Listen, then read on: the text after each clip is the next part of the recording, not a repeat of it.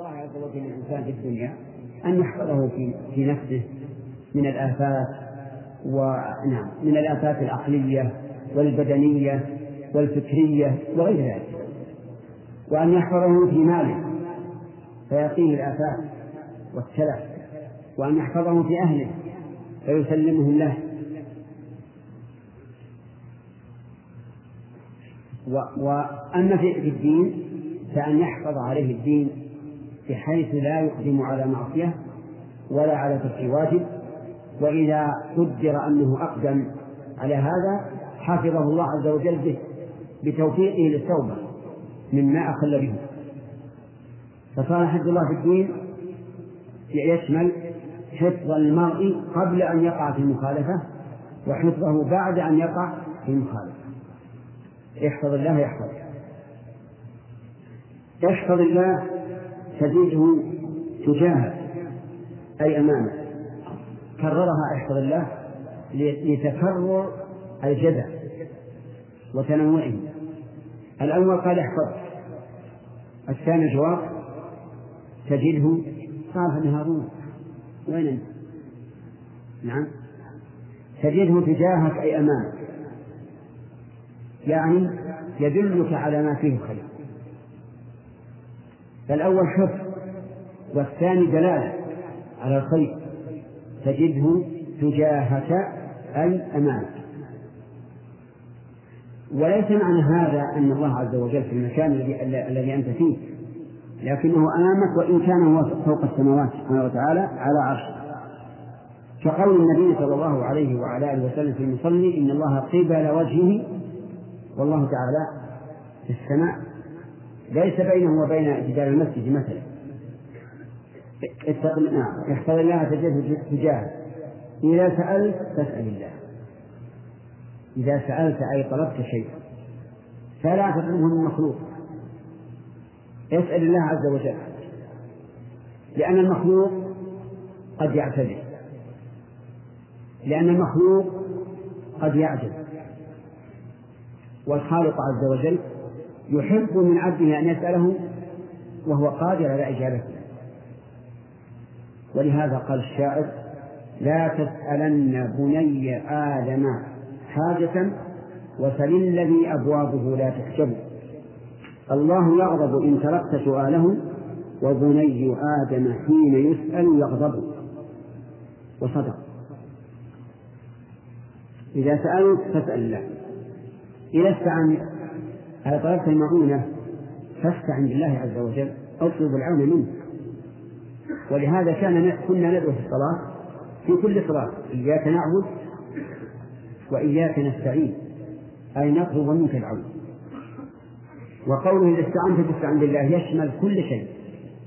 كل شيء تحتاج فيه إلى معونة لا تستعن إلا الله عز وجل لأنه قادر على معونتك وإذا استعنت فاستعن بالله. واعلم أن الأمة لو اجتمعت على أن ينفعوك بشيء لم ينفعوك إلا بشيء قد كتبه الله لك. صدر هذه السنة بالعلم. نعم بالأمر بالعلم لأهميتها اعلم أي علم يقين أن الأمة كل الأمة والمراد جميع الناس لو اجتمعت على أن ينفعوك بشيء لم ينفعوك إلا بشيء قد كتبه الله لك. وإذا كان كذلك فمن يسأل الإنسان؟ يسأل الله عز وجل. والله تعالى قد يجري الخير على يد بعض الناس. لكن هذا الذي جرى على يد بعض الناس هو في أمر الله تبارك وتعالى. شيء قد كتبه الله لك. وإذا لم يكتب الله لك هذا فإنه مهما كان لا يستطيعون نفسه. ولو اجتمع على أن يضروك بشيء لم يضروك إلا بشيء قد كتبه الله عليك. لو اجتمعوا كلهم على أن يضروك بشيء لم يضروك إلا بشيء قد كتبه الله عليك. وهذا يعني أنهم إذا ضروك فاعلم أن ذلك بعد أن كتبه الله عليك فلا مفر منه. قال صلى الله عليه وعلى آله وسلم نعم قد كتبه الله عليك كتبه الله لك وكتبه الله عليك. كتابة قدرية أو شرعية. كتابة قدرية. نعم. رفعت نعم. رفعت الأقلام وجفت الصحف. رفعت الأقلام أي أقلام القدر. وطويت الصحف أي الصحف المكتوب بها. ومعنى هذه الجملة أن أن الأمر قد انتهى. ما كتب لك فسوف يكون سواء من عن طريق الخلق أو ليس عن طريق الخلق. في هذا الحديث فوائد أولا يجب أن ننظر. نعم. فوائد منها أهمية هذه الوصايا. لأنها صدرت من النبي صلى الله عليه وعلى آله وسلم لمن؟ لابن عمه أقرب الناس إليه. صدرت من النبي صلى الله عليه وسلم لغلام يافع. إذا حفظها لم ينسها لأن العلم في الصغر لا ينسى. ومنها إن كان قوله خلف النبي صلى الله عليه وسلم يعني على الراحلة جواز الإرداف على الراحلة ولكن هذا مشروط بما إذا لم يشق على الراحلة فإن شق عليها فلا يجوز. وقد ثبت عن النبي صلى الله عليه وعلى آله وسلم أنه أردف معاذ بن جبل وأردف أسامة بن زيد وأردف الفضل بن العباس. وهذا أدلة كثيرة. ولكن بشرط ما هو الشرط؟ ألا يشق على الداب أو الراحل فإن شق فلا يجوز. ومن فوائد هذا الحديث المناداة بما يقتضي العطف والانتباه لقوله يا غلام فكأنه يقول لصغرك سوف أختار لك ما هو أنفع. وأبدع ومن فوائد هذا الحديث حسن تعليم النبي صلى الله عليه وعلى آله وسلم وذلك بالإجمال ثم التفصيل. ومن فوائد هذا هذا الحديث أن النبي صلى الله عليه وعلى آله وسلم يحب نشر العلم. لقوله إني أعلمك كلمات. وهذا أمر لا إشكال فيه. أن النبي صلى الله عليه وعلى آله وسلم يحب نشر العلم وينشره فعلا بكل ما يستطيع. بالخطب والمواعظ والأحاديث مع الناس.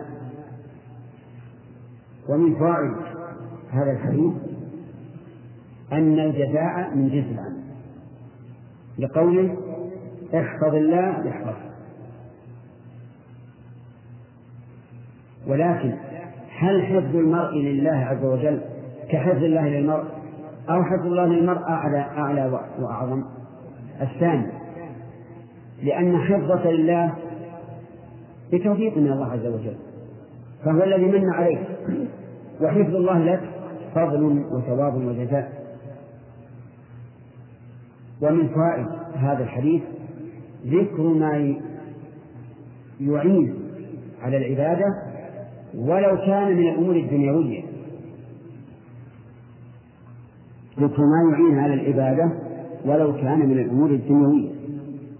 ومن المعلوم أنه إذا ذكر ما يعين على العبادة من الأمور الدنيوية فإن الإنسان سوف يريده بعمله. وإلا لم يكن وإلا لم يكن لذكره فائدة. فمثلا من أحب أن ينشط له في رزقه وينسأ له في أثره فليصل رحمه هذا إيش؟ في امور دنيويه تشجيع على تشجيع على الرحم بأمور دنيوية. ومع ذلك ذكره الرسول عليه الصلاة والسلام تنشيطا.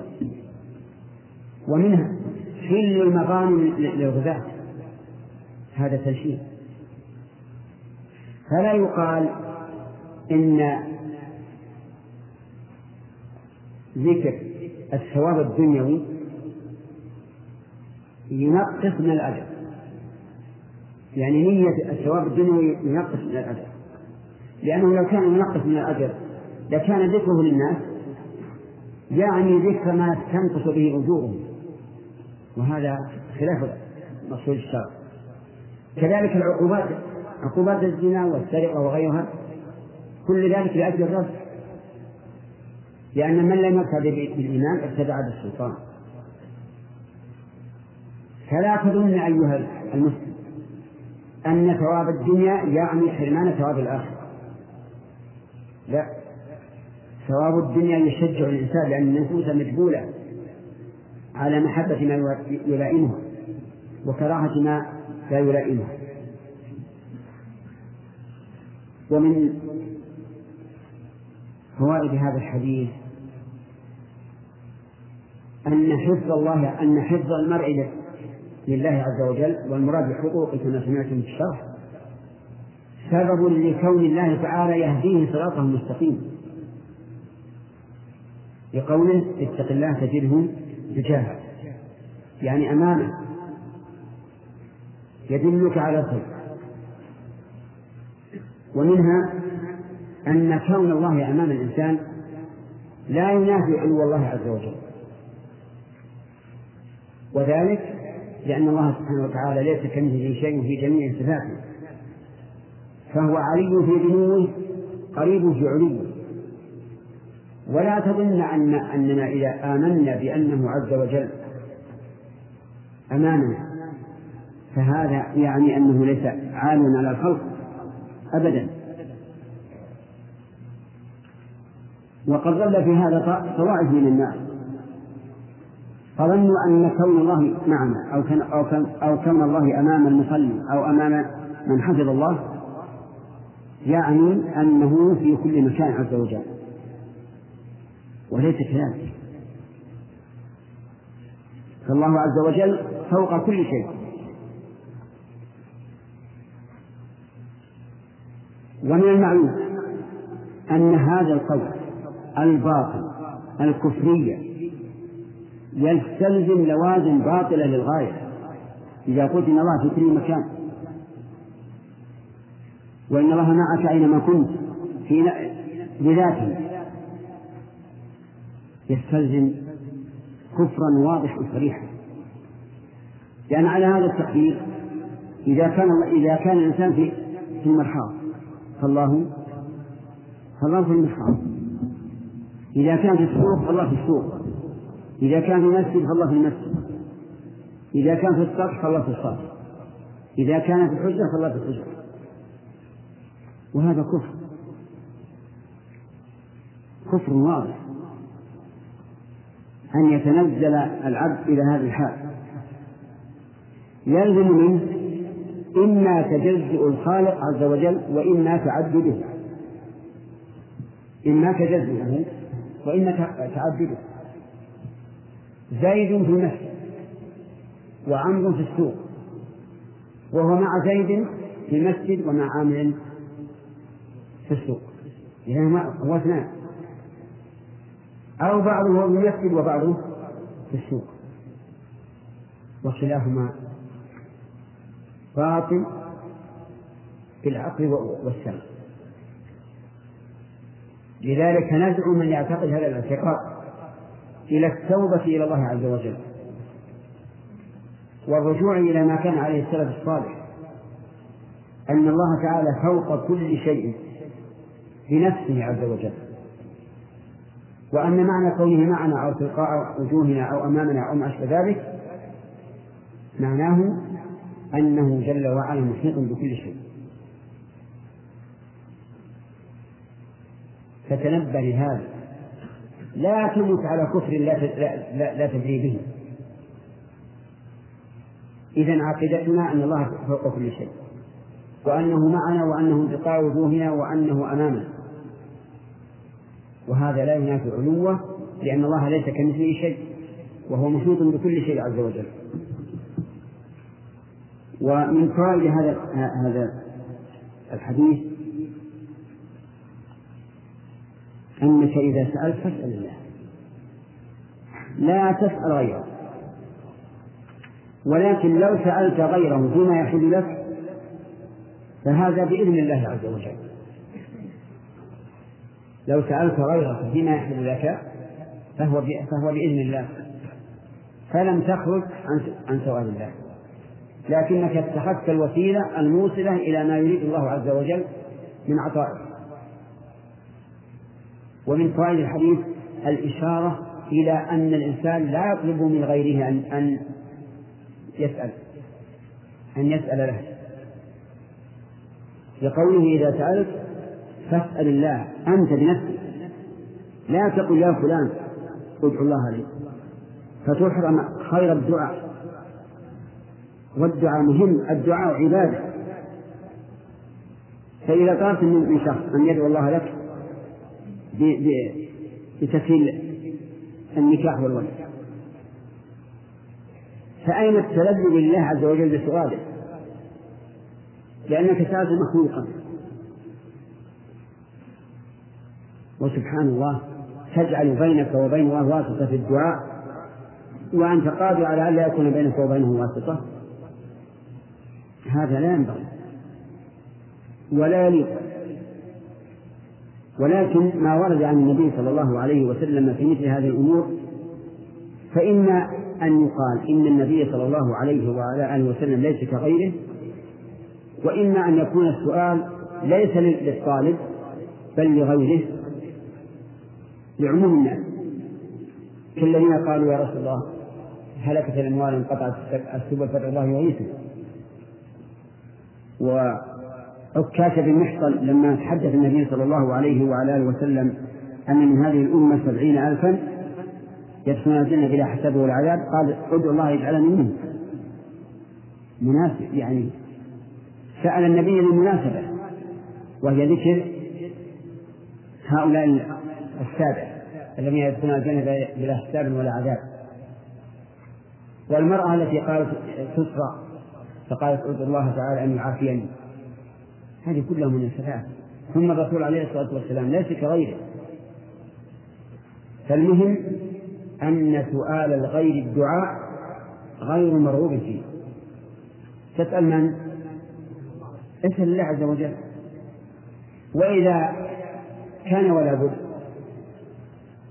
فانوي أنك تريد نفع هذا الغير. الذي يسأل لك. لأنه إذا فعل لك فقد أحسن والله يحب المحسنين. وقد نبه شيخ الإسلام ابن تيمية على هذا المعنى.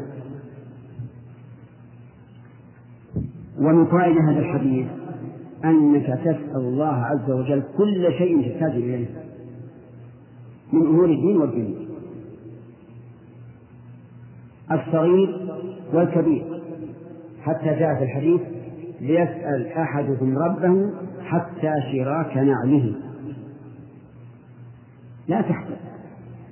لا تقول هذا الشيء. أستحي من الله أن أسأله لحقارته. لأنك إذا سألت الله فقد أتيت عظيما من العبادة. فإن الدعاء عبادة. دعنا من الشيء الذي طلبت قد يكون سهلا وليس له أهمية. لكن مجرد دعائك لله عز وجل هذا شيء عظيم. طيب من فوائد هذا الحديث أن طلب العون لا يكون إلا من الله.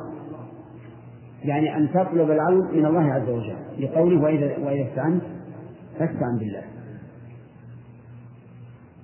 ولكن قد أذن لنا أن نستعين بالغير بغير الله فيما يقدر عليه المستعان.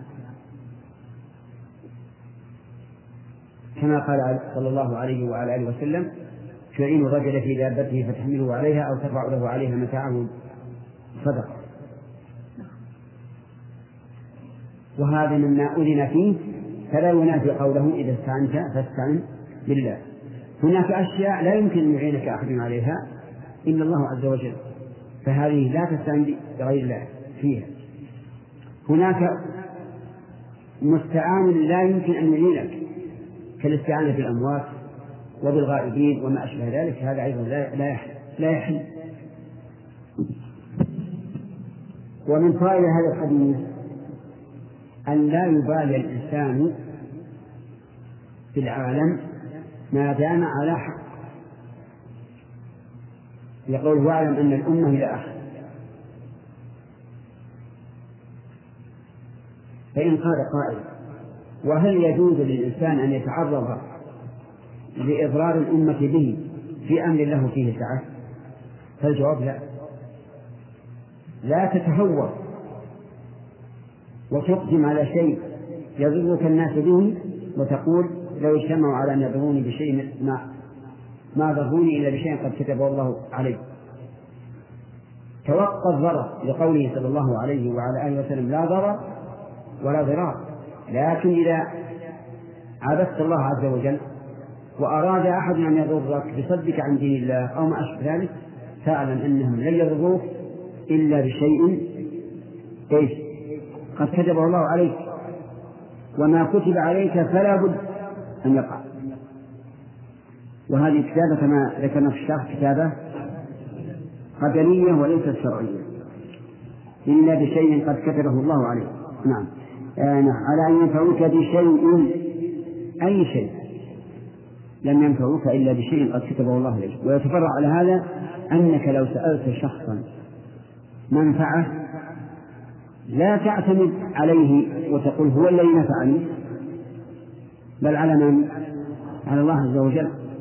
ما دام لن ينفعك إلا بشيء قد كتب لك إذا فاعتمد الله فاعتمد على الله عز وجل. طيب.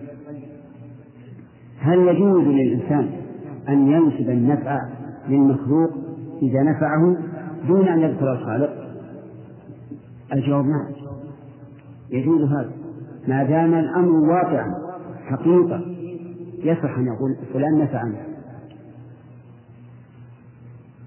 أو مثلا الجلوس عند هذا العالم نفعني أو ما أشبه ذلك. ما دام الأمر محقق. لكن مع هذا اجعل في قلبك أن هذا النفس إيش؟ من عند الله عز وجل.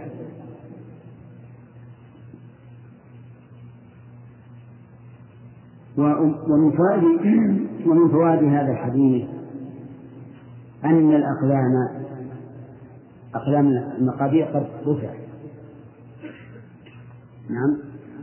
يقول رفعت الأقلام وانتهى كل شيء. ولكن هل يعني ذلك أن لا تسأل الخير؟ الجواب لا اسأل الخير.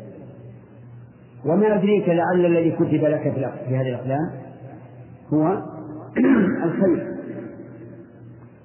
لا تقل ما كتب لن يتغير لأنك لا تدري ماذا كتب. فاسأل الخير وتعول من الشر ولعل هذا هو المكتوب لك.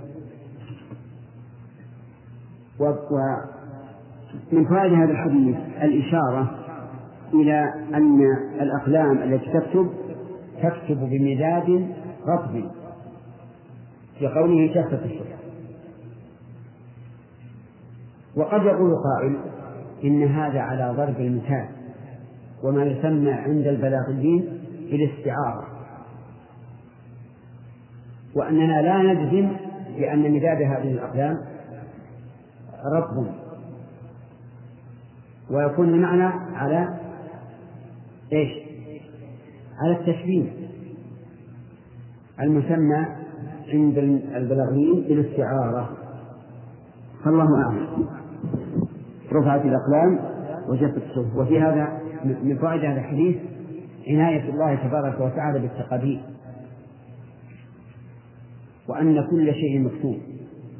كل شيء محصى مع أن الله بكل شيء عليم. ولا معقب لحكمه لكن مع ذلك قد كتب عز وجل مقادير كل شيء. ثم قال المؤلف رحمه الله الحديث العشرون عن أبي مسعود عقبة بن عامر الأنصاري. نعم؟ في رواية؟ ما عندي رواية وقد رواه الترمذي وقال حديث حسن صحيح. نعم.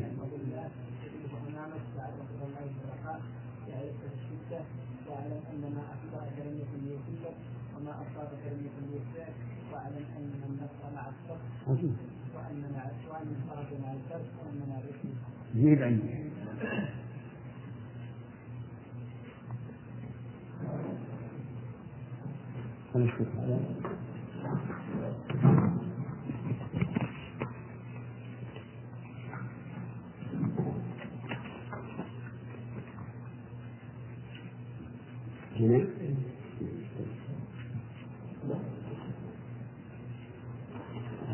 الرواية هذه فيها جمل مهمة. قال رواه الترمذي وقال حديث حسن صحيح. وفي رواية عن الترمذي احفظ الله تجده أمامك. هذا الأخ لا يختلف عن الأول في المعنى. فإن تجاهك بمعنى أمامك. تعرف إلى الله في الرخاء يعرفك في الشدة. تعرف أي أي معرفة الله لك. في حال الرخاء. يعرفك في حال الشدة. وهذه المعرفة معرفة خاصة. لأن لأن الله عز وجل يعلم كل أحد سواء تعرف إليه أم لا. لكن هذه المعرفة معرفة خاصة. ومعنى التعرف إلى الله عز وجل معناه أن تتملق له بالطاعة. فلا يفقدك حيث أمرك ولا يراك حيث نهاك.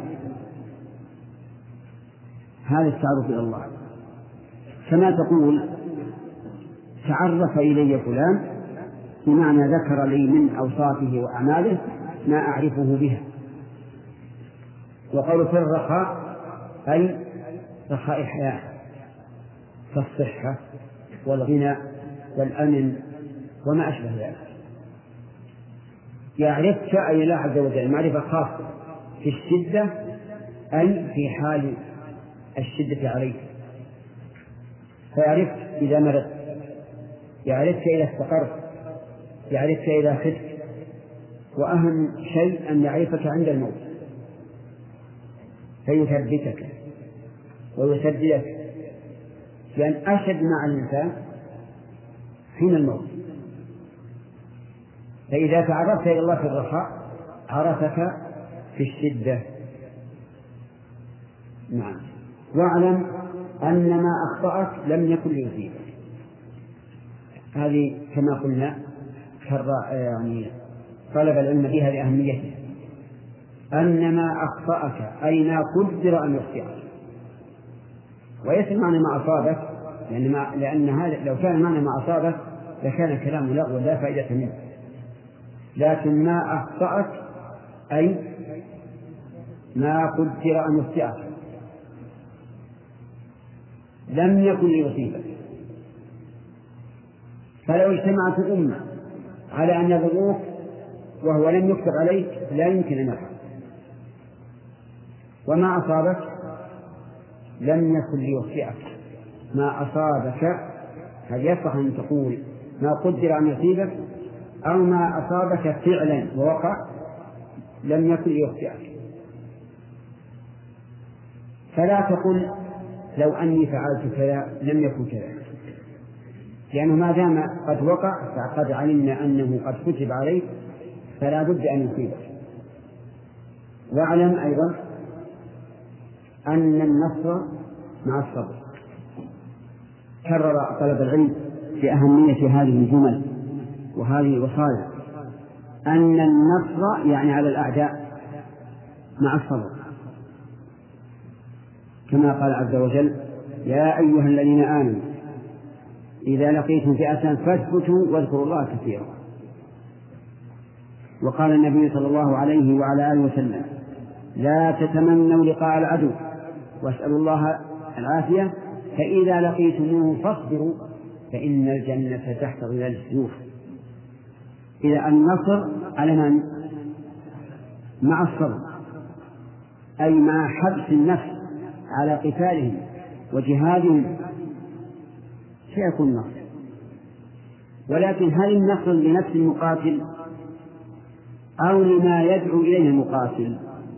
قد تكون لنفس المقاتل أو لما يدعو إليه المقاتل بمعنى أن المقاتل قد يقتل ولا ينصر لكن ما يدعو إليه من الحق يعلو على ما عليه الآخرون. نعم. النصر مع الصبر. إيش النصر على من؟ طيب على الأعلى. هذا النصر هل يكون للمقاتل نفسه أو للمقاتل وما يهدف إليه؟ الجواب كلا الأمران. كلا الأمرين واعلم أن النصر مع الصبر. وربما نقول إن الحديث يشمل النصر على النفس. لأن النفس تدعو إلى الهوى والضلال كما قال عز وجل وما أبرئ نفسي إن النفس لأمارة بالسوء. فإذا صبر الإنسان عليها وثبت على دين الله انتصر عليه. واعلم ان النصر مع الصبر وأن الفرج مع الكرب أن الفرج مع الفرج في الأصل السعه ومنه الفرجة المسقوفه في الجدار. فالفرج يعني السعه مع الكرب يعني مع الضيق. ولهذا قيل اشتدي أزمة تنفرج. فكلما اشتدت بك الأمور فإن والكربات فإن الفرج قريب. لأن النبي صلى الله عليه وسلم قال واعلم أن الفرج إيش؟ مع الكرب مع مع الكرب وأن مع العسر يسر طيب مع كلما اشتدت الأمور فاعلم أن الفرج قريب لقول النبي صلى الله عليه وعلى آله وسلم وأعلم أن الفرج مع الفرج. قال وأن مع العسر يسرا. كلما تعسرت الأمور عليك وعلقت قلبك بالله تيسرت لك الأمور في القرآن الكريم فإن مع العسر يسرا إن مع العسر يسرا. قال العلماء ذكر الله العسر معرفا بألف. وذكر الله اليسر غير معرف منكرا والكلمة إذا عادت نكرة فالثاني غير الأول وإذا عادت معرفة فالثاني هو الأول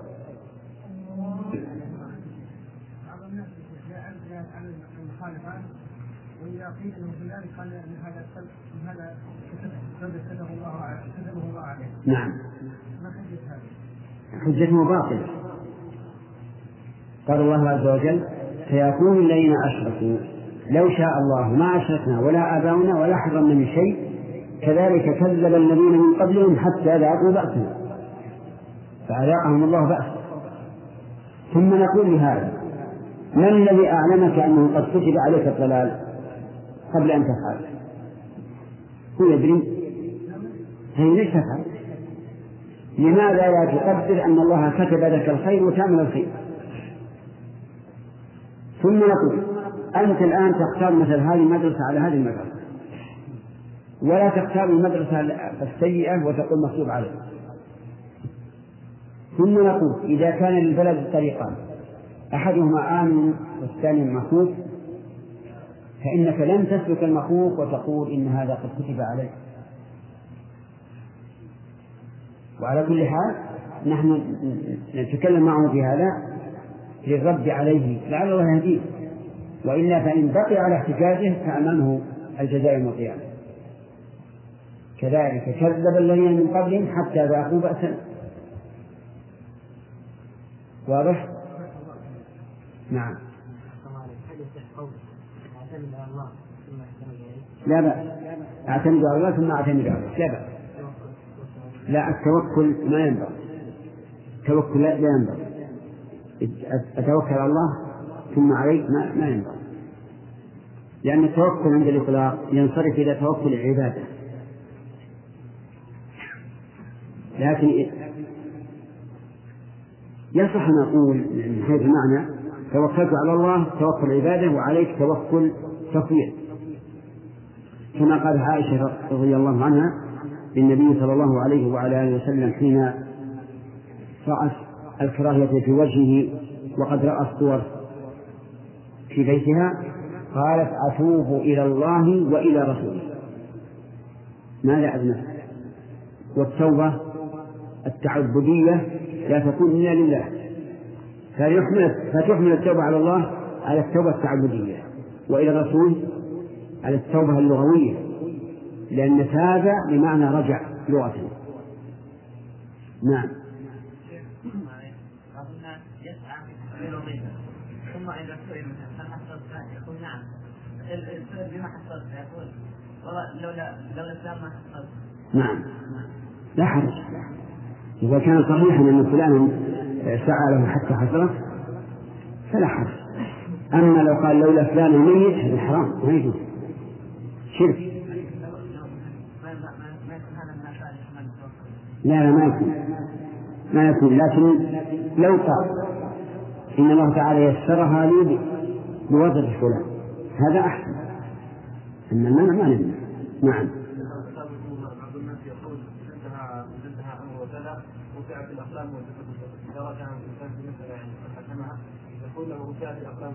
استشهادا أو استشهادا لا أرى في هذا بأس. لأنه لا شك أنه لما وقع الشيء فقد كتب بلا شك نعم.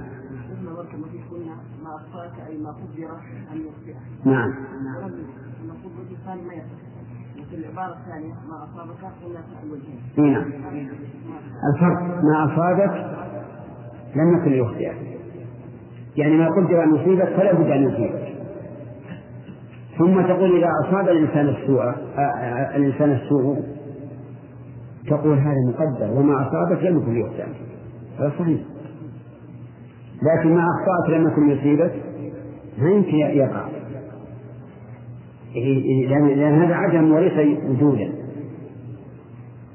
نعم.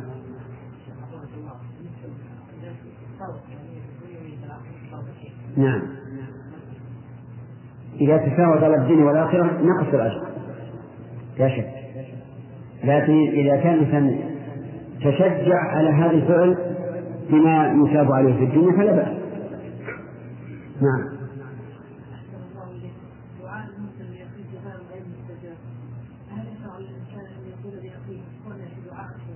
أبدا. إذا سألت فاسأل الله. يا أخي الدعاء عبادة. اعبد الله عز وجل بدعائه. ولا تذل نفسك أمام هذا الرجل. ثم هذا الرجل ربما ينتفخ ويقول أنا من أنا. يطلب الناس من دعاء لهم. فيحصل ضرر تقسم ظهره.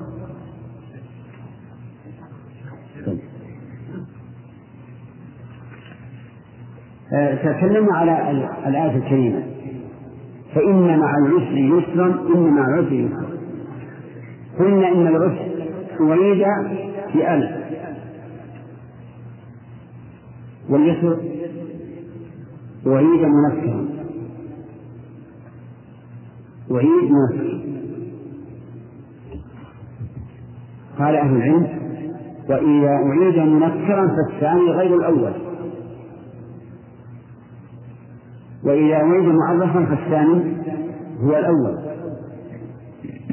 وعليه يكون تكون هذه الكلمة ذكرت أن مع اليسر إيش؟ يسرا ولهذا جاء عن ابن عباس أو غيره لن يغلب عسر يسرين وهنا قال وأن مع العسر يسرا المهم أن لا تيأس إذا تأثرت عليك الأمور تعلم أن اليسر قريب. ولهذا من العبارات الدارجة عندهم دوام الحال من المحال. وهذا حق. لا بد لكل شيء أن ينتهي. ذكرنا أن الشيء إذا وجد بأل فالثاني هو الأول. هذا ما لم تكن قرينة على خلاف ذلك. فإن قامت قرينة على خلاف ذلك وجب اتباعها. مثل قوله تعالى هل جزاء الإحسان إلا الإحسان؟ فهنا عاد الإحسان بلفظ ال لكن الثاني هو غير الأول. الثاني غير الأول. ما هو الثاني؟ الثواب. والأول العمل. يعني ما جزاء من أحسن عملا إلا أن يحسن إليه بالثواب. في هذا الحديث الرواية الأخيرة. نعم. في هذه الرواية الأخيرة من الفوائد. أولا أنك إذا حفظت الله وجدته إيش؟ أمامك وتبغى الكلام عليه من فوائد هذا الحديث. التعرف إلى الله في الرخاء يعرفك في الشدة والمراد هنا التعرف الخاص. ومن فوائد هذا الحديث أن الله يوصف بأنه عارف لقوله يعرف. ولكن هذا إذا أريد به المعرفة المعرفة الخاصة للعام وإلا فلا يجوز إطلاق عارف على الله بالمعنى العام. انتبه لهذا. إذا يعرف المراد بذلك إيش؟ عجيب المعرفة الخاصة. أما المعرفة بالمعنى العام فلا يجوز أن يصف الله بها.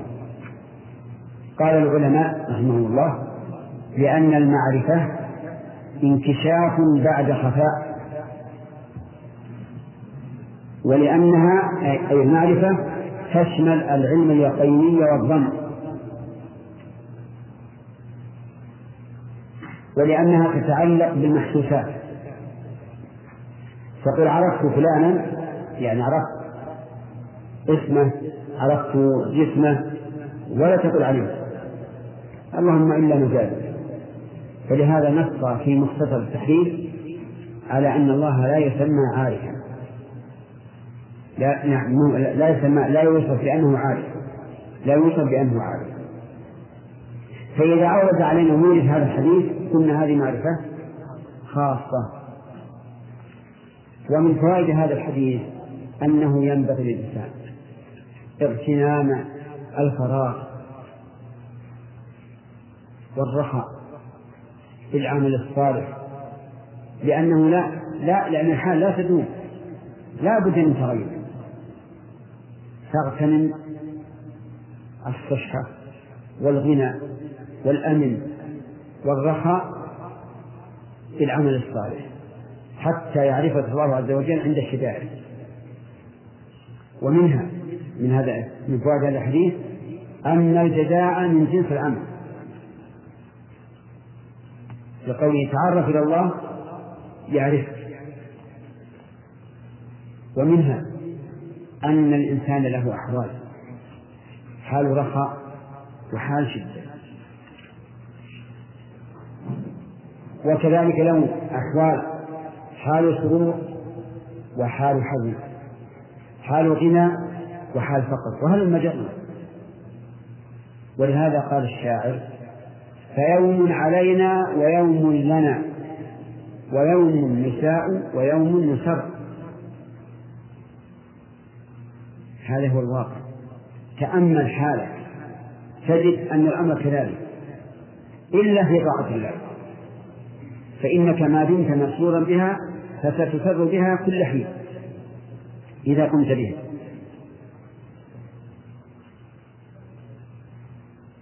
نعم من فوائد هذا الحديث وجوب الإيمان بالقضاء والقدر. وأن ما قدر أن يخطئك لن يصيبك ويتفرع على هذه الفائدة أن يكون الإنسان شجاعا فيما يؤمر بالشجاعة فيه وأن لا يكون جبانا يخاف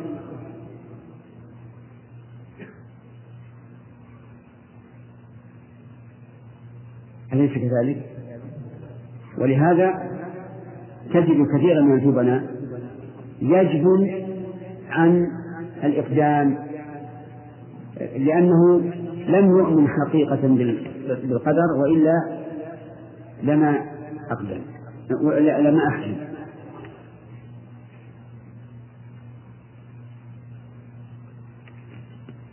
طيب.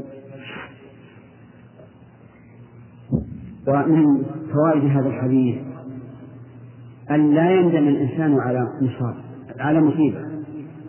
أن لا يندم الإنسان على مصيبة. لقوله وما أصابك لم يكن ليخطئك. لا تحاول أن ترفع الواقع أبدا ولا تنسى قال الله عز وجل ما أصاب من مصيبة إلا بإذن الله. ومن يؤمن بالله يهدي قلبه. قال علقمة وهو من أكابر عبد الله بن مسعود رضي الله عنه هو الرجل تصيبه المصيبة فيعلم أنها من عند الله فيرضى ويسلم. وهذا يحصل لمن علم أن ما أصابه لم يكن ليخطئه. طيب فإذا قال قائل إذا كان كذلك فهل لي أن أحاول التخلص مما أكره بعد نزوله؟ الجواب نعم. لك أن تحاول التخلص على طريق شرعي. بل قد يجب عليك أن تفعل. لو أن الإنسان قدر أن أن يقوم بمعصية. من معاصي الله عز وجل؟ فالمعصية مقصودة لا شك. لكن يجب عليه أن يتخلص من أوضار هذه المعصية. في ماذا؟ في التوبة إلى الله عز وجل. أما الكبائر فلا إشكال. أنه لا بد لها من توبة. وإلا لم يكن لفتح باب التوبة معنى كل كبيرة لا بد لها من توبة. وأما الصغائر فإنه قد مر علينا أنها تقع مكفرة بفعل الحسنات أفهمتم؟ هذا رأي الجمهور وهو الحق. توبة في الكبائر. الصغائر أيضا لا بد من توبة بحيث لا يصر عليها. أما لو أصر عليها فإن الحسنات لا تكفرها لأنها تكون أي الصغائر كبيرة إذا أصر الإنسان عليها هذا هو مسلك جمهور العلماء كما حقق ذلك ابن رجب رحمه الله في شرح هذا الكتاب. في نعم في شرح هذا الكتاب. ومن فوائد هذا الحديث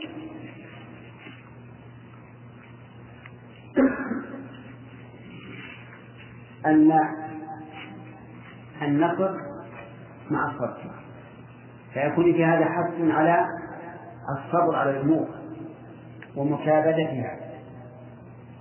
وأن ينتظر الإنسان نصر الله عز وجل.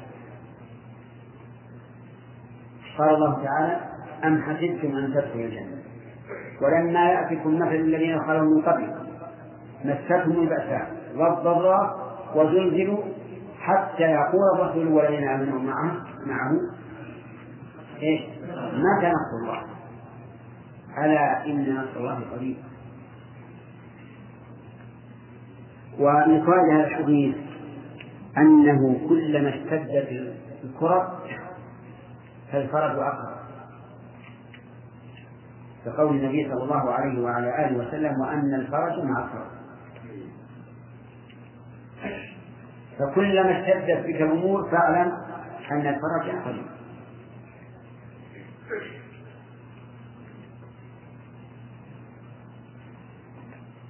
ومن فوائد هذا الحديث أن مع العسر يسرا. وكلما تعثرت الأمور فانتظر التيسير. قد يقول قائل إننا نجد أن العسر يدفعه العسر ولا يحصل التيسير. فيقال إن النبي صلى الله عليه وسلم قال قول الحق. ويكون تخلف التيسير مع العسر إما لضعف إيمان الإنسان واستيلاء اليأس عليه واستبعاد التيسير من الله وحينئذ يحرم وكذلك يقال الفرج مع الفرج. كلام النبي صلى الله عليه وسلم حق. لكن تخلف ما أخبر به لابد أن يكون هناك سبب. ما هو السبب يا غانم؟ ضعف الإيمان.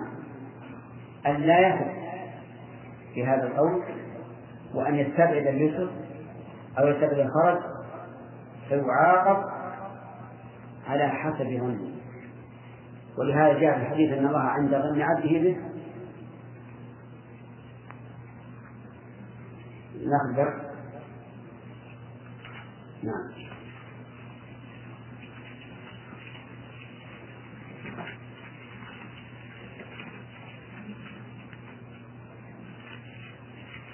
قال المؤلف رحمه الله الحديث العشرون.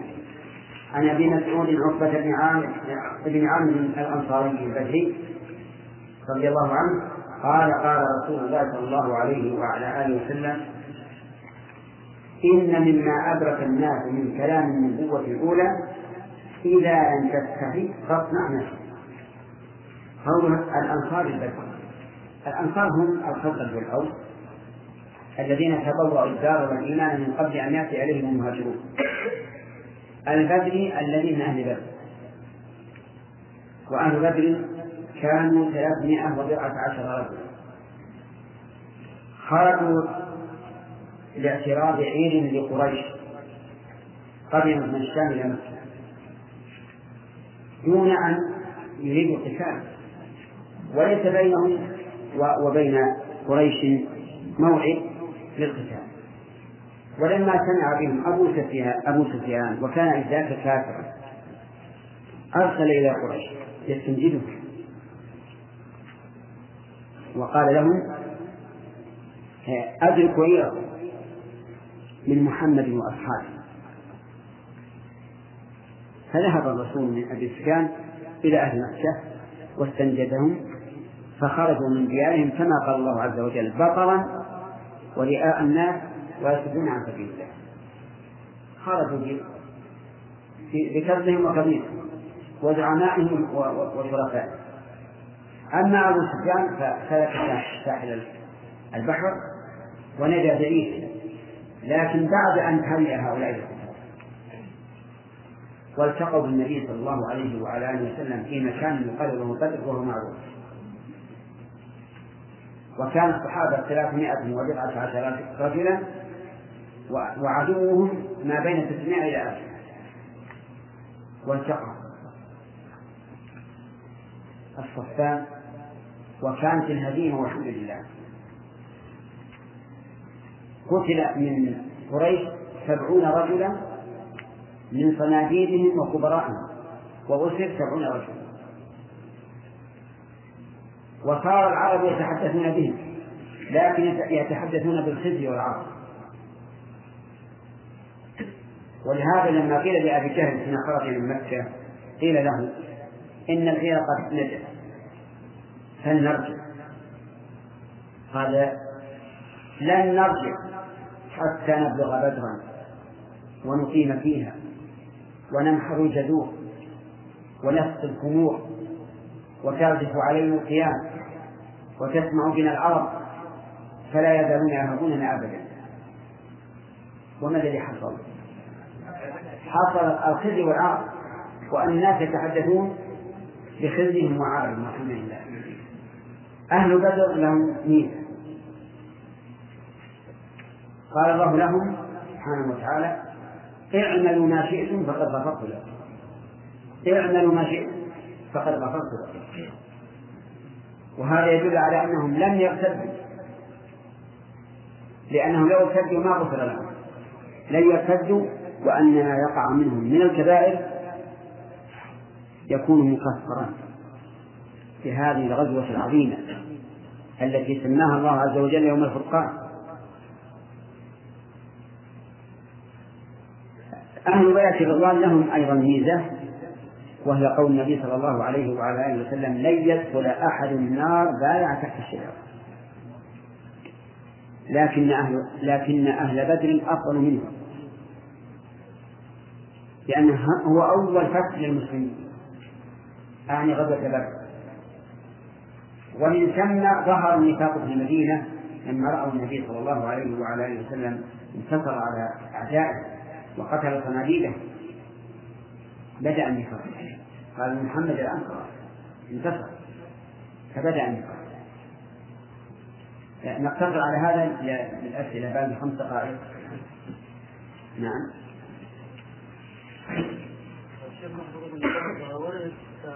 ورد في القرآن والسنة والآثار السلفية في الصلين وفضل نعم. العلم أفضل العلم أفضل من الجهاد لأن العلم عليه مدار السعادة في الدنيا والآخرة للمجاهدين وغير المجاهدين. المجاهدون مفتقرون للعلم. والعلماء ليسوا مفتقرين للجهاد. فالعلم أفضل. وهذا من حيث المعنى. أما من حيث الشخص فقد نقول للشخص إن الجهاد في حقك أفضل مثال رجل قوي شجاع مقدام يكشف بالعافية لكنه في العلم ضعيف. تلقنه العلم ولكن ما يفهم. وإذا فهم المسألة اليوم نسيها غدا. هذا أيما أفضل؟ أن نقول جاهل أو أطلب العلم؟ جاهل. قد يكون بالعكس. إنسان جبان ضعيف البدن لكن عنده فهم وقار وحفظ عظيم. هذا نقول له العلم أفضل بلا شك. لكن إذا قارنا بين العلم والجهاد من حيث هو علم وجهاد فالعلم أفضل. قال الإمام أحمد رحمه الله العلم لا يعجبه شيء لمن صحت نيته. نعم ما معنى قولنا الدعاء ولا ينفع معناه أن أن الحظ والنصيب لا يمنع صاحبه من الله عز وجل. فلا ينفع الجد أي صاحب الجد وهو الحظ والغنى منك أي من الله. الجد أي جده وحظه نعم. أثابكم الله. هل هل يتفرع على هذا على تفضيل العلم على الجهاد؟ نعم. نقول طالب العلم الذي تفرغ للعلم. لا يعني لا لا يمكن لا يتابع أخبار المجاهدين وكذا. لا بس الاخبار غير المشاركه بل متابعه أخبار المجاهدين هذه من من الاهتمام بأمور المسلمين. ومن لم يهتم بأمور المسلمين فليس منه. لكنه لا تلهيه هذه المتابعة عن طلب العلم. لا سيما في الوقت الحاضر الآن وسائل إعلامه منفوخه إيش؟ المنفوخ؟ تجد تنقل الخبر وياتي خبر آخر مناقض له. نعم. أحسن الله إليكم قد يقدم طالب علم. قد. يقدم طالب علم. قد. يقدم طالب علم. نعم. على حفظ الكتاب. على. مثل من متون العلم. نعم نعم. ثم يصبح عليه بعد أن حفظ نصفه أو ثلثه فيستشير الإنسان؟ قد صعب علي هذا المتن. هل أتركه إلى غيره أو كذا؟ هل نقول له أصبر حتى يفتح الله عليه نعم. على نقول لأن هذا الذي ذكرت لو أنه عدل عنه إلى آخر مل الآخر ثم عدل إلى ثالث وضاعت عليه الوقت. ومن ثم أحيانا الإنسان يريد أن يطالع مسألة في العلم. فيأخذ الكتاب.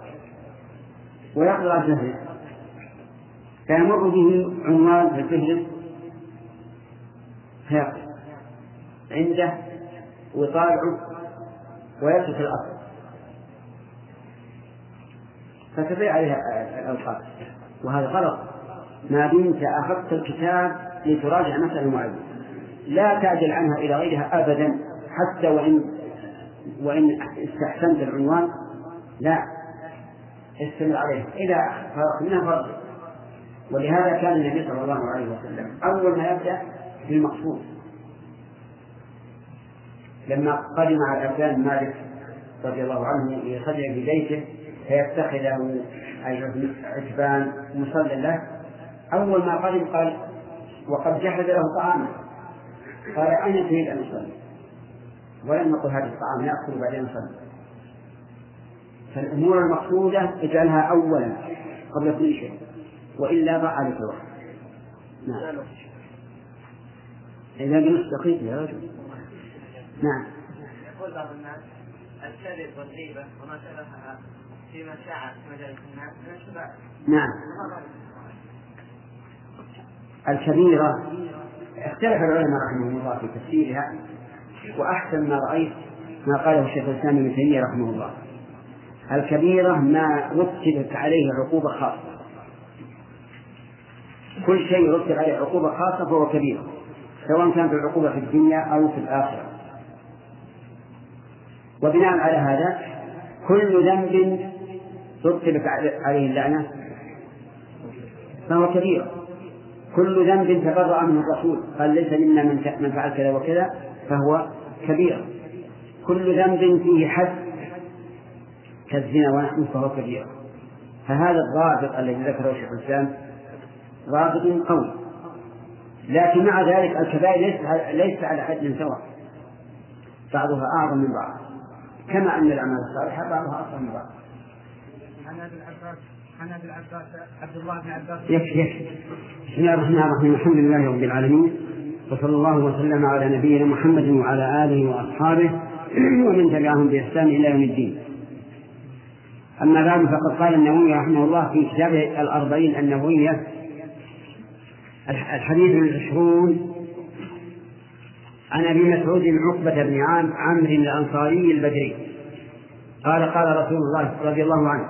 قال قال رسول الله صلى الله عليه وعلى آله وسلم إن مما أدرك الناس من كلام النبوة الأولى.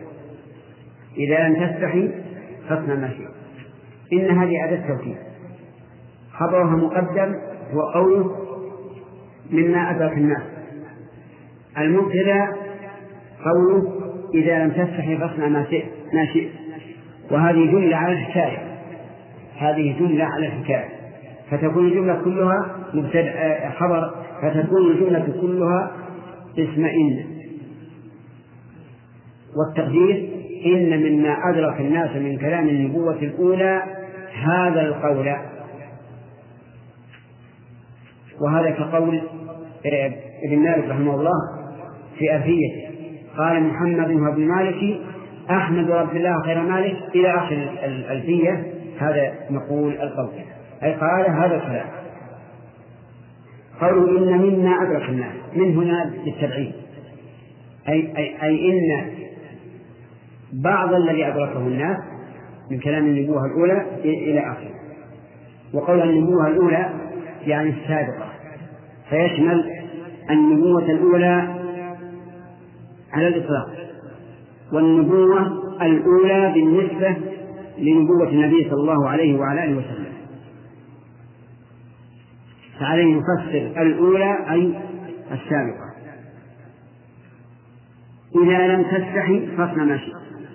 هذه كلمة من كلام النبوة الأولى. إذا لم تستحي فاصنع ما شئت. الحياء هو عبارة عن انفعال يحدث للإنسان عند فعل ما لا يجمله ولا يزين فينكسر ويحصل الحياء. وقوله إذا لم تستحي يحتمل معنيين المعنى إذا لم تكن ذا حياء صنعت ما تشاء لأنه لا حياء عندك. تفعل الذي يخل بالمروءة والذي لا يخل والمعنى الثاني إذا لم تفعل ما ما يستحيا منه فاصنع ما شئت. يعني إذا كان الفعل لا يستحيا منه فاصنع. فالأول عائدة على على الفاعل والثاني عائدة على الفعل. واضح؟ طيب. لها معنى المعنى الأول إذا لم تستحي فاصنع ما شئت أي إذا لم تكن لا حياء صنعت ما تشاء. فيكون الأمر هنا بمعنى الخبر. وهذه حتى عند العامة الآن. الإنسان الذي لا يستحي نعم يفعل كل شيء ولا يبالي سواء وافق المروءة أم خالفه المعنى الثاني إذا كان الفعل لا يستحيا منه. فاصنع ولا تبالي فالأول عائد على الفاعل والثاني عائد على الفعل. واضح ولا غير واضح؟ واضح.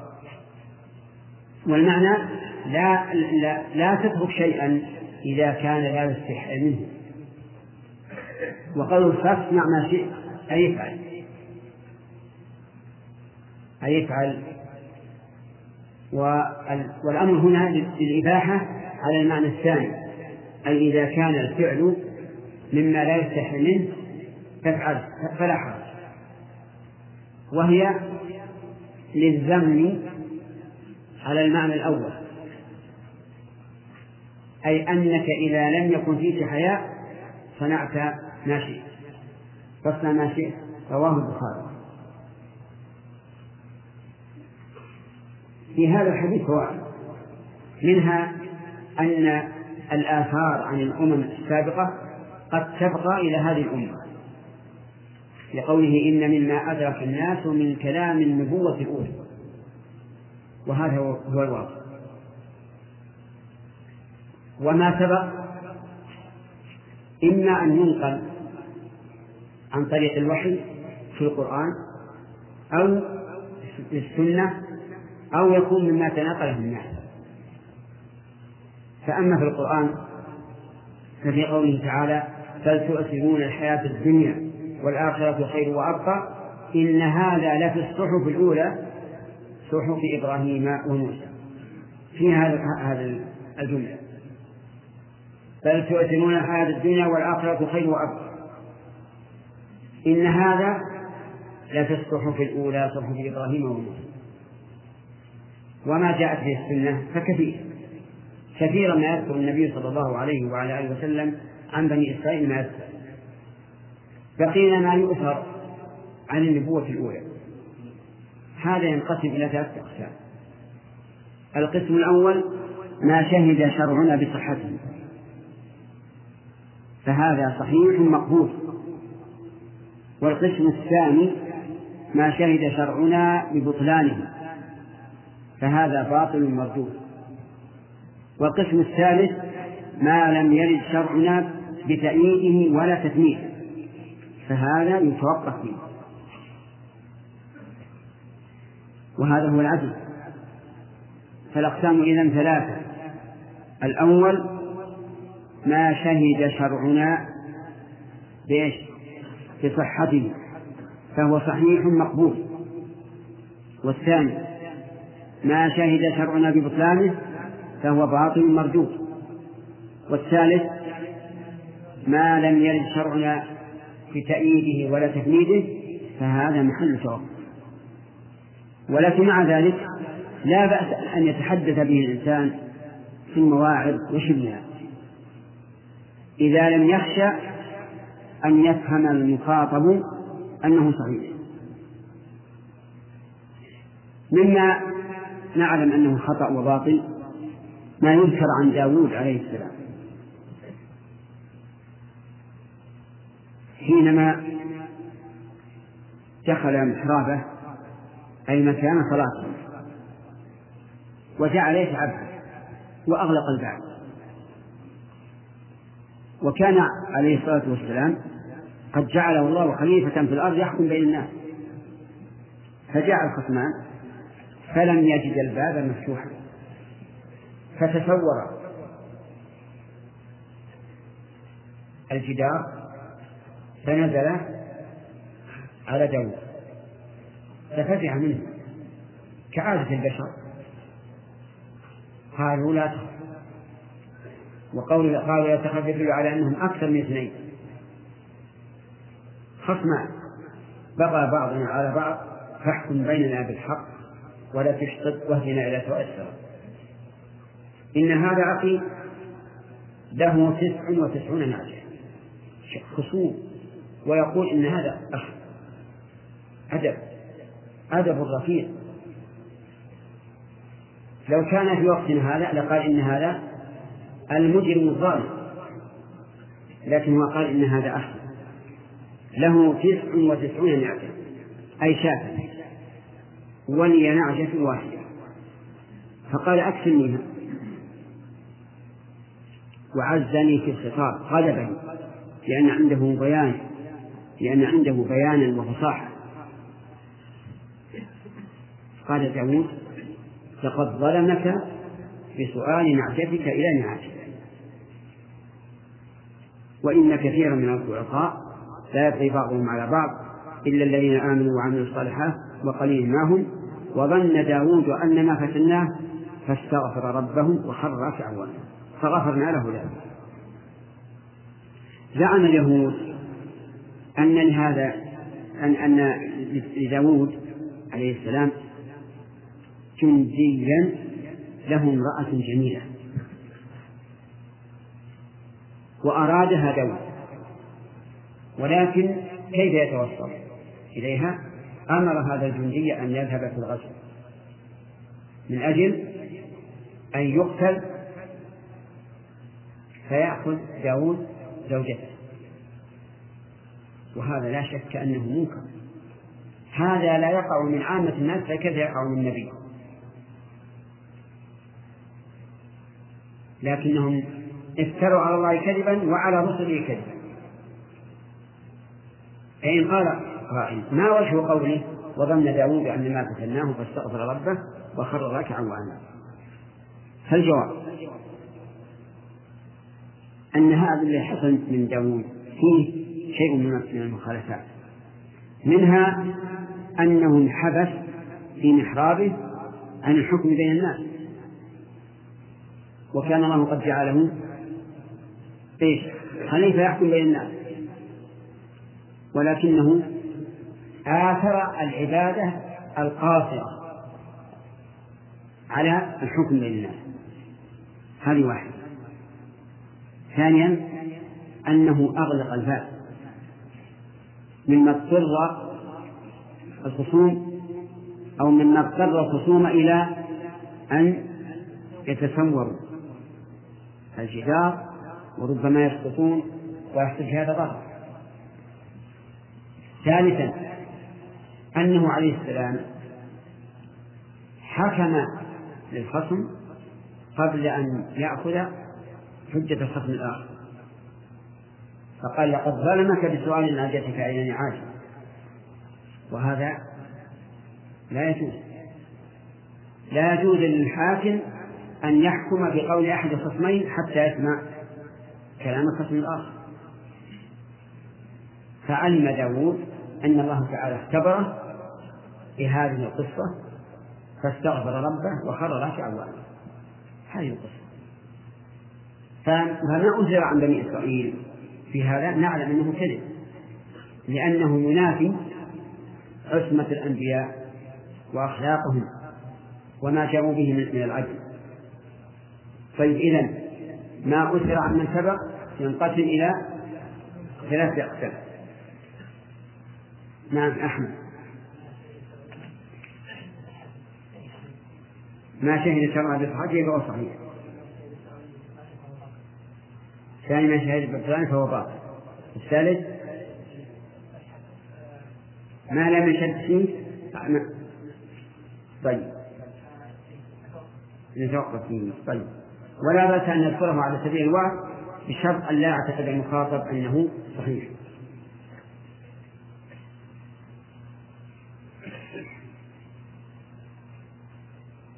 هذا يقول جملة معتبرة.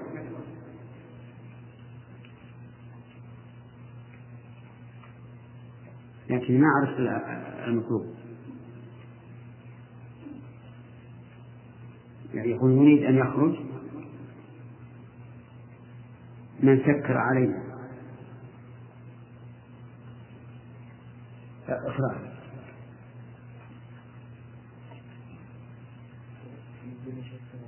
صاحب السيارة كابس صاحب السيارة كابس موديل 91 موديل 91 رقم 935 رقم 935 والحروف دال واو لام دال واو لام يريد أن يخرج عن ما سيارته يريد أن يخرج سيارة. عن السيارة يعني هذه السيارة قد سدت الطريق على صاحب الورقة فمن هي له فلي- فليخرج لإزالة عن الطريق من فوائد هذا الحديث أن هذه الجملة إذا لم تستحي فاصنع ما شئت مأثورة عن من سبق من الأمم. لأنها كلمة توجه إلى كل خلق جميل. من فوائد هذا الحديث الثناء على على الحياء. سواء سواء على الوجه الأول أو الثاني. وقد ثبت عن النبي صلى الله عليه وعلى آله وسلم أنه قال الحياء من الإيمان أو قال شعبة من الإيمان. والحياء نوعان. الأول فيما يتعلق بحق الله عز وجل والثاني فيما يتعلق بحق المخلوق. أما الحياء فيما يتعلق بحق الله فيجب أن تستحي من الله عز وجل أن يراك حيث نهاك. وأن يفقدك حيث أمرك.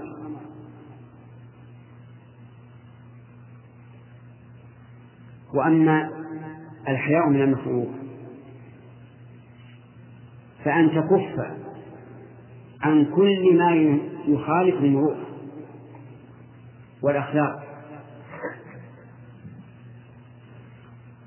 فمثلا هنا في المجلس لو أن إنسانا في الصف الأول مد رجليه فهل يعتبر هذا حياء أو لا؟ لا لأن هذا يخالف المروءة. لكن لو كان في مجلس بين أصحابه ومد رجليه فإن ذلك لا ينافي المروءة. ومع هذا فالأولى أن يستأذن. ويقول تأذنوا لي أن أمد رجلي ثم الحياء نوعان أيضا من الشيء الآخر. نوع غريب طبيعي. ونوع آخر مكتسب. أما الأول فإن بعض الناس يهبه الله عز وجل حياء فتجده حيا من حين الصغر.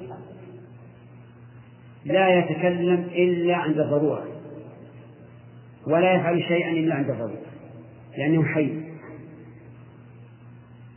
والثاني مكتسب يتمرن عليه الإنسان يكون الإنسان غير حي ويكون فرها باللسان فرها بالأفعال بالجوارح فيصحب أناسا أهل حياء وخير فيكتسب منهم أيهما أفضل؟ الأول أفضل الغريب ولكن اعلم أن الحياء خلق محمود. إلا إذا منع مما يجب أو أوقع فيما يحرم. فإذا منع مما يجب فإنه مذموم. كما لو منعه الحياء أن ينكر المنكر مع وجوبه فهذا حياء مذموم.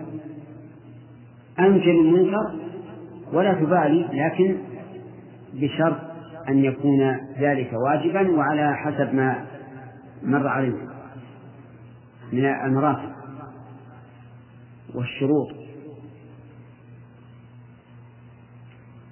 وحياء من وحياء ممدوح وهو الذي لا يوقع صاحبه في ترك واجب ولا في فعل محرم.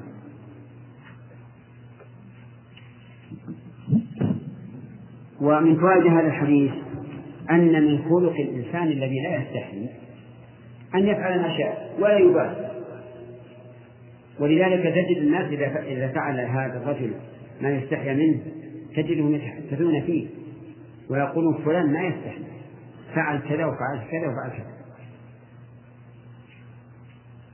ومن فوائد الحديث على المعنى الثاني أن ما لا يستحي منه فالإنسان حل في فعله. لقوله إذا لم تستحي فاصنع ما شئت. ثم قال المؤلف رحمه الله الحديث الحادي والعشرون. عن ابن عمرو وقيل أبي عمرو سفيان بن عبد الله رضي الله عنه. قال قلت يا رسول الله قل لي في الإسلام قولا لا أسأل عنه أحدا غيرك. قال قل آمنت بالله ثم استقم. قال قل لي في الإسلام. أي في في الشريعة. قولا لا أسأل عنه غيره يعني قولا يكون حدا فاصلا جامعا مانعا فقال له قل آمنت بالله وهذا في القلب ثم استقم على طاعته وهذا في الجوارح فأعطاه النبي صلى الله عليه وعلى آله وسلم كلمتين. آمنت بالله ومحل الإيمان القلب. ثم استقم وهذا في عمل الجوارح وهذا حديث جامع من أجمع الأحاديث. فقوله قل آمنت يشمل قول اللسان آمنت وقول القلب. قال أهل العلم وقول القلب هو إقراره واعترافه.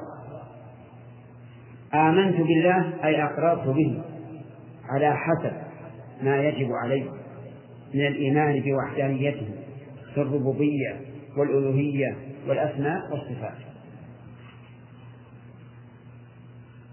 ثم بعد الإيمان استقم.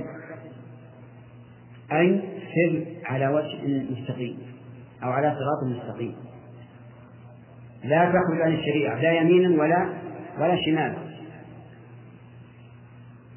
هاتان الكلمتان جمعتا الدين كله. فالأول آمنت بالله رحمك الله فيما يتعلق بالقلوب والثاني استقم فيما يتعلق بالجوارح فلننظر الإيمان بالله يتضمن الإخلاص له في العبادة والاستقامة تتضمن التمشي على شريعة عز وجل. فيكون جامعا لشرطي العبادة وهما الإخلاص والمتابعة. ناخذ الفوائد. في هذا الحديث فوائد. منها حرص الصحابة رضي الله عنهم على العلم. وذلك لما يرد على النبي صلى الله عليه وسلم منهم من الأسئلة ومن فوائد هذا الحديث أن الإنسان ينبغي له أن يسأل عن العلم السؤال الجامع المانع حتى لا تشتبه عليه العلوم وتختلف. لقوله قولا لا أسأل عنه أحدا غيره. وفي هذا إشكال وهو قول لا أسأل أحدا غيره. هل يمكن أن يسأل الصحابة أحدا غير الرسول صلى الله عليه وعلى آله وسلم في أمور الدين؟ فالجواب نعم. يمكن أن يسألوا يسأل من دون صاحبه في العلم يسأل صاحبه. وهذا وارد. ثم هذه الكلمة تقال حتى وإن لم يكن لكن تقال من أجل أن يهتم المسؤول بالجواب. ومن فوائد هذا الحديث أن النبي صلى الله عليه وعلى آله وسلم أعطي جوامع الكلم. حيث جمع كل الدين في كلمتين آمنت بالله ثم استقم وهذا يشهد له قوله تعالى إن الذين قالوا ربنا الله ثم استقاموا فلا خوف عليهم ولا هم يحزنون.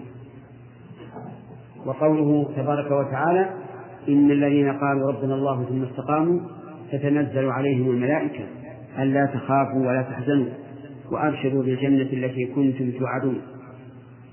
وقوله تعالى فاستقم كما أمرت ومن تاب معك ولا تطغوا والآيات في هذا المعنى كثيرة.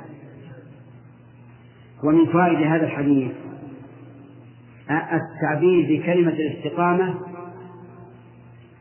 دون التعبير المشهور عند الناس الآن بكلمة الالتزام.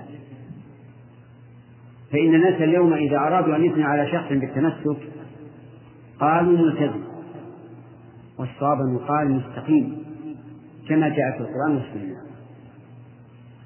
ومن فوائد هذا الحديث أن من قصر في الواجبات فما استقام.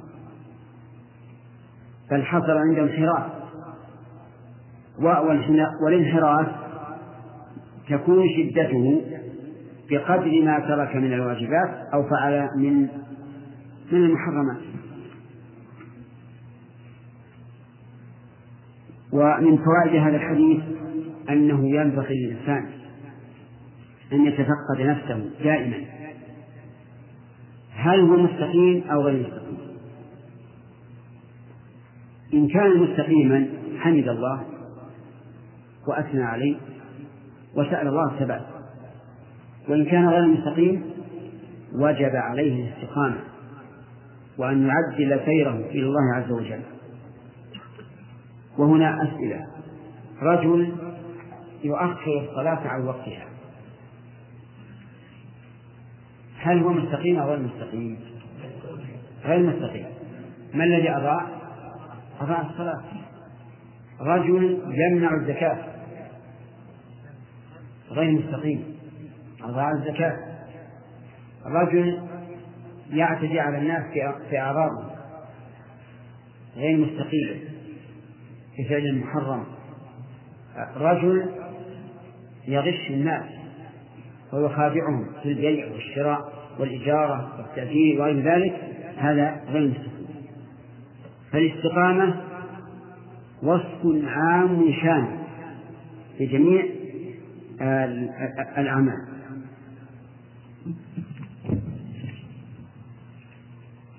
الحديث الثاني والعشرون. عن عبد الله عن أبي عبد الله جابر بن عبد الله الأنصاري رضي الله عنه أن رجلا قال يا رسول الله أن رجلا قال